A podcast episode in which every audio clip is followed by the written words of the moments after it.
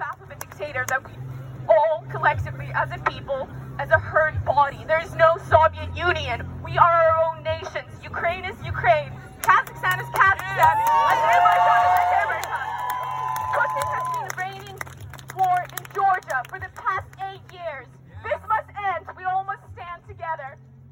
Sveiki, klausytojai, čia Karolis, linkėjimai iš New Yorko, uh, iš New Yorko universiteto. Esu čia studijoje ir e, pagalvojau, kad karo Ukrainai kontekste e, savo tekstą, kurį parašiau Nara LT tinklalapiui, taip pat ir įskaitysiu tiem žmonėm, kurie mieliau klauso negu skaito. Jį publikavau vasario 28-ąją. Jį pavadinau Svarbiausia nebūti vienam New Yorko protestų dienoraštis. Pirmą kartą šiomis dienomis susigaudinau, kai demonstracija Vašingtono skvero parke. Kitoje gatvės pusėje nuo mano universiteto ukrainietė moteris paėmė megafoną ir pradėjo kalbėti. Ukrainiečiai niekada nepasiduos. Mes neįtikėtinai atsparų žmonės, bet trauma liks. Ji papasakojo, kad jos tėvams 90-aisiais pavyko pabėgti į Junktinės valstijas, tad ji užaugo čia, septintojoje gatvėje, Manhatano dalyje, žinomoje kaip mažoji Ukraina. Ji dėkoja žmonėms, kad sekmadienį atėjo solidarizuotis su ukrainiečiais. Kad ji nėra viena. Jos balsas drebėjo, o mano akis virpėjo. Buvimas kartu, nepažįstamų žmonių minėje, leidžia lengviau išbūti dabartinį laiką, nesant Ukrainoje. Bet mintimis esant niekur kitur. Šį sentimentą nuo protesto scenos atliepia Kolumbijos universiteto studentė iš Ukrainos. Nežinau, kur dėtis, ką man daryti. Ateiti čia buvo vienintelis veiksmas, kuriam turėjau jėgų, sakė ji. Protestuotojas amerikietis ragino eiti link Rusijos konsulato ir rusų diplomatus išsiųsti iš šalies. Šitą mieste mums jų nereikia. Tegul Paryžius ir Londonas padaro tą patį. Studentės iš Sakartvelo ir Kazahstano, kurių šalys, priešingai nei Baltijos šalys, neturi NATO apsaugos, kalbėjo išsigandusiai. Sovietų sąjungos nebėra, bet Putinas nori ją atkurti. Mes turime jį sustabdyti. Viena iš organizatorių skaitė Taraso Ševčenkos eilės anglų kalba. Tai palaidokit, kai mirsiu, mane ant kurgano, vidury plačiosios stepės, Ukrainai mano. Taip šias eilės vertė Vladas Prašyvnas literatūroje ir mene. Nuo trečiadienio vakaro, JAV laiku, kai buvo paskelbta apie Rusijos kariuomenės įsiveržimą į Ukrainos teritoriją, aš gyvenu įtmigloje. Pavasario semestras įsibėgėjo, terminai artėja, bet susikaupti negaliu. Twitterio doom scrollinimas padeda, bet jo lengva persisotinti. Išeiti į gatvę ir sutikti kitus, taip pat besijaučiančius žmonės, suveikia kaip sveikesnis būdas padėti savo. Kartu jis yra pavojingas. Jis leidžia visų kūnų pajusti, kad karas, likščiau buvęs kažkur toli, kažkur kitur, atėjo pas tave, per šalia esančių žmonių kūnus, kurių energiją jauti čia pat. Kad karas yra realybė, o ne simulacija internete. O mes juk 8000 km nuo jo. Ukrainos palaikymo demonstracijos New York'e dabar vyksta kasdien, skirtingose vietose. Times Square aikštėje, prie Rusijos konsulato, prie Rusijos misijos jungtinėse tautose būstinės. Putino lyginimas su Hitleriu yra centrinis jų vaizdinys. Koks paradoksas.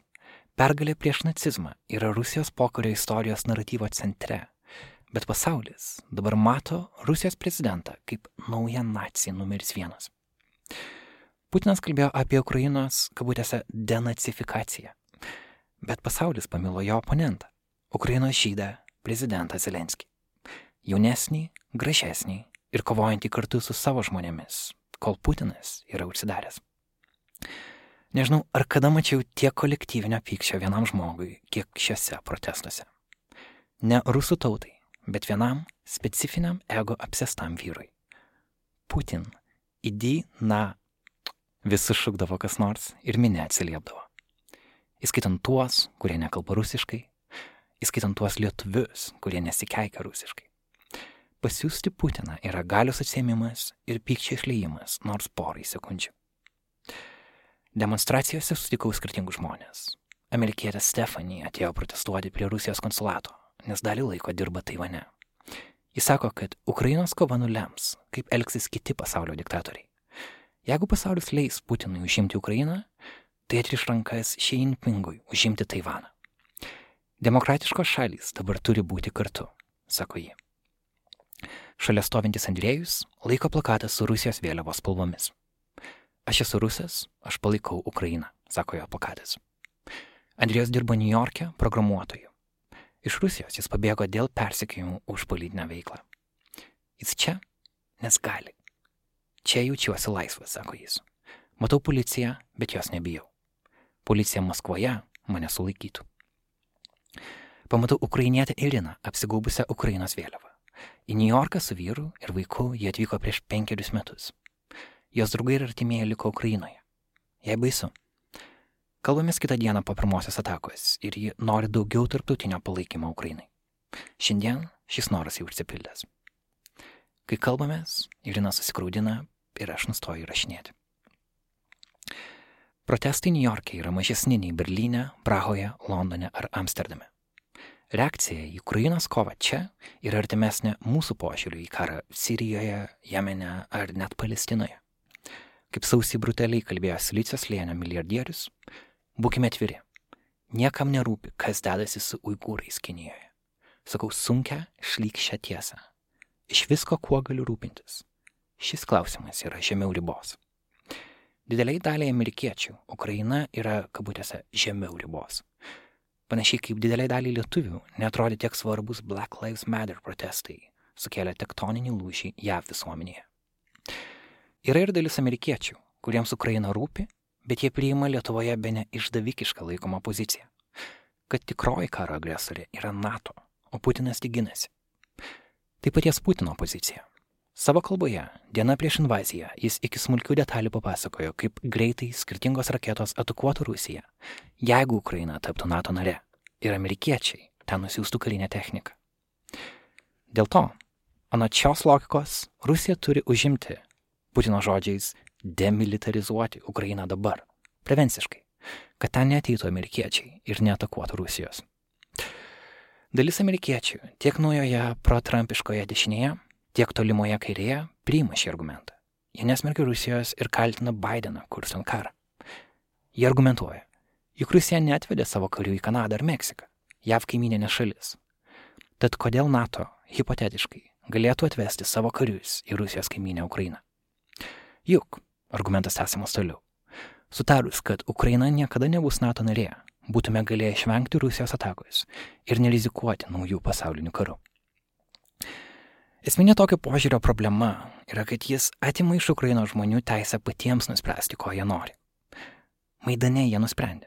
Skirtingų apklausų duomenimis didesnė dalis ukrainiečių nori ES ir NATO.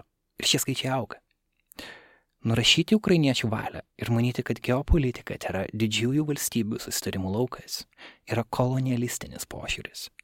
Tokią pačią logiką būtų buvę galima pritaikyti ir Lietuvos stojimui į ES ir NATO.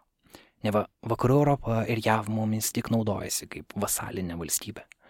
Iš čia ir terminai kaip kabutėse Briuselio diktatas, neva primestos kabutėse Lietuvą skaldančios žmogaus teisų temos ir taip toliau. Tiesa ta, kad abi narystės Lietuvai išėjo į naudą. Praėjusiu metu duomenimis 4 iš 5 Lietuvos gyventojų vėl balsuotų už narystę ES. 17 metų po narystės pradžios. Palaikymas narystėje NATO Lietuvoje per 12 metų išaugo nuo 59 iki 77 procentų.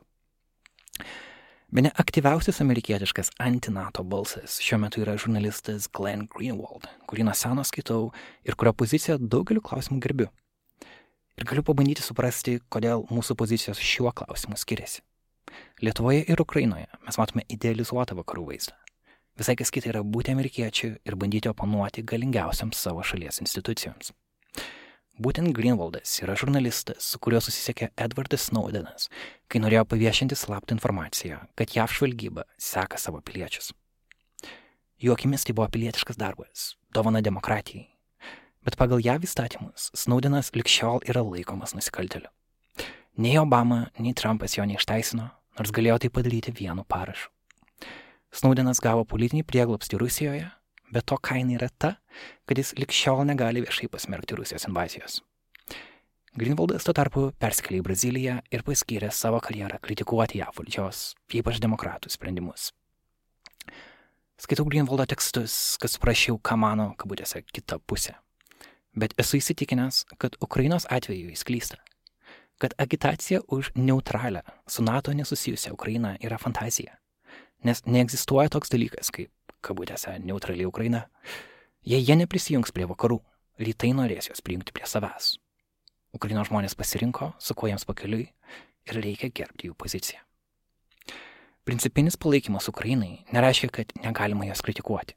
Stephanie Haggerty, BBC žurnalistė, kurią pasitikiu, Twitter'yje citavo studentę iš Nigerijos, laukusią septynias valandas, kad patektų į Lenkiją ir pabėgtų nuo karo.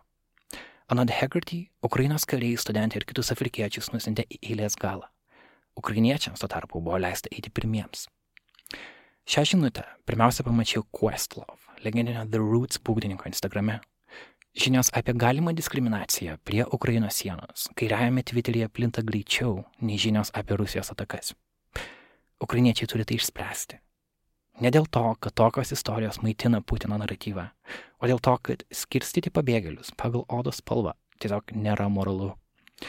Kol rašiau šį tekstą, The Kyiv Independent, mano operatyviausias naujienų šaltinis šiomis dienomis, paskelbė, kad į karą stoja Baltarusija kad Baltarusija panaikino savo kaip nebranduolinė šalies statusą ir Putinas dabar galės turėti brandulinius ginklus prie pat Lietuvos sienos. Bendros nuotaikos yra daug pakelesnės nei trečiadienį, kai invazija prasidėjo, bet karas toli gražu dar nelaimėtas. Visą tai išgyventi vienam nėra sveika, rytoj demonstracijas eisiu vėl. Karolis Višnauskas iš New Yorko, Nara LT. Ačiū Jums ir iki.